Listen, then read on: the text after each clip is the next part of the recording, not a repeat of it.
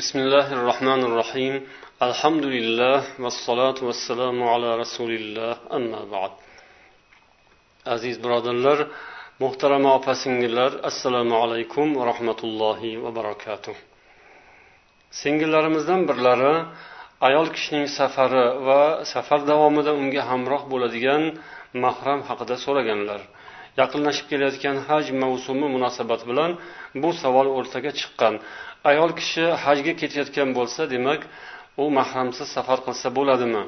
Yoki mahramlar kimlardan iborat bo'lishi kerak? Ayol kishi xoh hajga bo'lsin xoh boshqa maqsad bilan bo'lsin safar qilishi safar qilishi demak mahram bilan bo'lishi lozim. Mahramsiz safar mumkin emas. U safar deb hisoblanadigan ya'ni piyoda yurganda uch kunda yetadigan masofani agar niyat qilib chiqqan bo'lsa safar hisoblanadi musofir sanaladi va bunday masofaga albatta mahram bilangina yo'lga chiqishi mumkin xolos. Chunki payg'ambarimiz sollallohu alayhi vasallam la tusafirul mar'atu illa ma'adi mahram dedilar. Ayol kishi faqat mahram bilangina safar qiladi. Buning hikmatlari nimada? Barchaga ma'lumki alloh taolo ayol kishini erkak bilan barobar bir xilda qilib yaratgan emas. Erkak kishiga nisbatan ayol kishini ham jismonan ham aqlan ham din tomondan demak bir darajada quyiroq qilib yaratgan. Bu shunday tabiatda ko'rinib turadigan aniq haqiqat. Buni ba'zi bir odamlar demak bir tomonlama inkor etsalarda lekin fanda ham bu ma'lum ya'ni ojiz E, jins kuchli jins deb aytishadi. Ayollarni demak kuchsiz jins deb qarashadi. Bu ollohning yaratgani shunday. Olloh ana shunday ayollarni erkaklarga nisbatan kuchsizroq qilib yaratganligi demak bu haqiqat. Ana shunga ana shunga qarab ana shundan kelib chiqqan holda islomning munosabati va hukmlari ham o'ziga yarasha bo'ladi. Ayollarga xos o'rinlarda demak alohida hukmlar joriy etiladi. Jumladan safar masalasi ana shunday. Ayollarning safari demak faqatgina mahram bilan bo'lishi lozim. Safar davomida ayol kishi yordamga muhtoj bo'ladi xizmatga muhtoj bo'lishi mumkin. Demak yonida bir erkak kishi erkak qarindoshlardan mahram bo'ladigan bo'lsa uni xavfu xatarlardan himoya qilishi va uning ba'zi bir hojatlarini bitirishda uning xizmatida bo'lishi biror bir narsani olib kelish yoki olib borish boshqa shunga o'xshash narsalarda demak xizmat qiladigan bir erkak kishi o'zining yaqin kishisi bo'lishi lozim.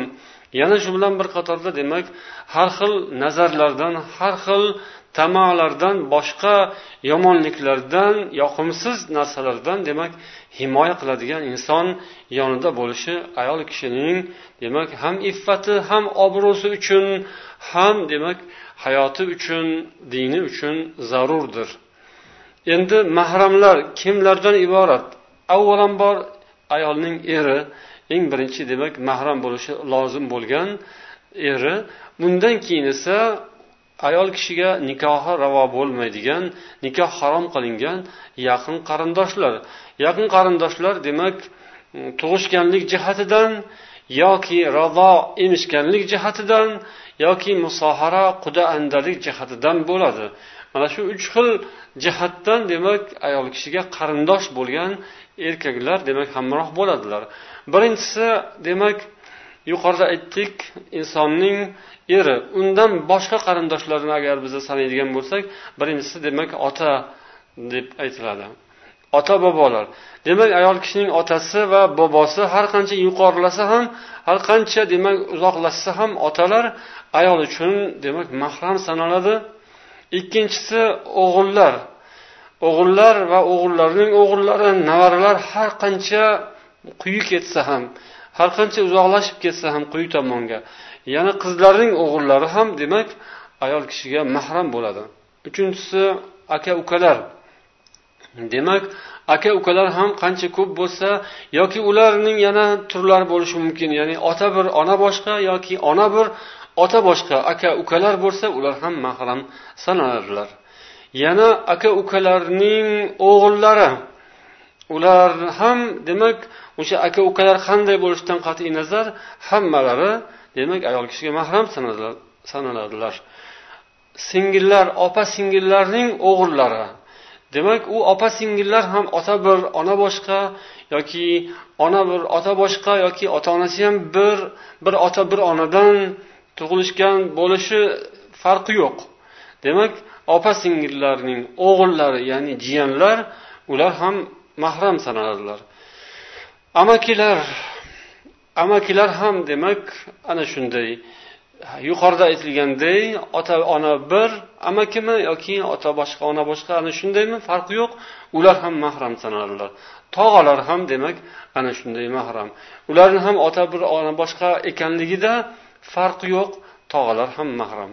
Hisoblanadilar. Bular tug'ishganlik jihatidan qarindoshlik qondoshlik jihatidan mahram bo'lgan insonlar. Endi rabo jihatidan mahram bo'lgan ya'ni emishganlik jihatdan mahram bo'lgan insonlar ular ham xuddi yuqoridagi insonlarning huquqlari bilan barobar huquqqa ega bo'ladilar. Deganlar payg'ambarimiz sollallohu alayhi vasallam muttafaqun alayhi hadis nasab bilan harom bo'lgan bo'ladigan rado bilan ham harom bo'ladi ya'ni nasab bilan qanday harom bo'lsa inson ya'ni mahram bo'lsa rado jihatdan ham ana o'shanday demak mahram bo'ladi ya'ni emishganlik e, bir onani emgan bo'lsa demak E, bir bola yoki bir qiz o'sha opa uka bo'ladi aka singil bo'ladi. Yoki aka uka agar ikkita begonaning farzandi bir onani emgan bo'lsa tug'ishganlik jihatdan begona lekin emishganlik jihatdan ular qarindosh hisoblanadilar. Demak mahramlik bilan e, mahramlik masalasida mana shu emishdoshlik ham barobar qaraladi. Endi qudandalik bilan mahramga aylanish. Birinchisi abnau zavjil marati ayol erining o'g'illari. Ya'ni ayol kishining erining o'g'illari deganda nimani tushunamiz? Ya'ni erning boshqa ayoldan bo'lgan o'g'illari ayol uchun o'g'il sanaladi. Ya'ni ayol o'zi tug'magan bo'lsa ham lekin erining o'g'li bunga o'g'il bo'ladi. U o'g'illar uchun bu ayol ona bo'ladi. Va o'sha o'g'ilning o'g'illari ham bu ayolga demak farzand sanaladilar mahram hisoblanadilar. Ikkinchisi abau zavjil mar'ati. Ayol erining otalari ya'ni erning otasi ular har qancha demak yuqorilab uzoqlashsa ham ya'ni bobosi bobosining otasi uning otasi bu yog'i davom etaveradi. Ayolga ular hammalari mahram bo'lib qoladilar. Uchinchisi azvajul banat qizlarning erlari ya'ni kuyov. Bu ham ayolga mahram. Va azvaju banatil abna o'g'illar o'g'illar qizining demak erlari ya'ni navara kuyov deyiladi yoki avara kuyov.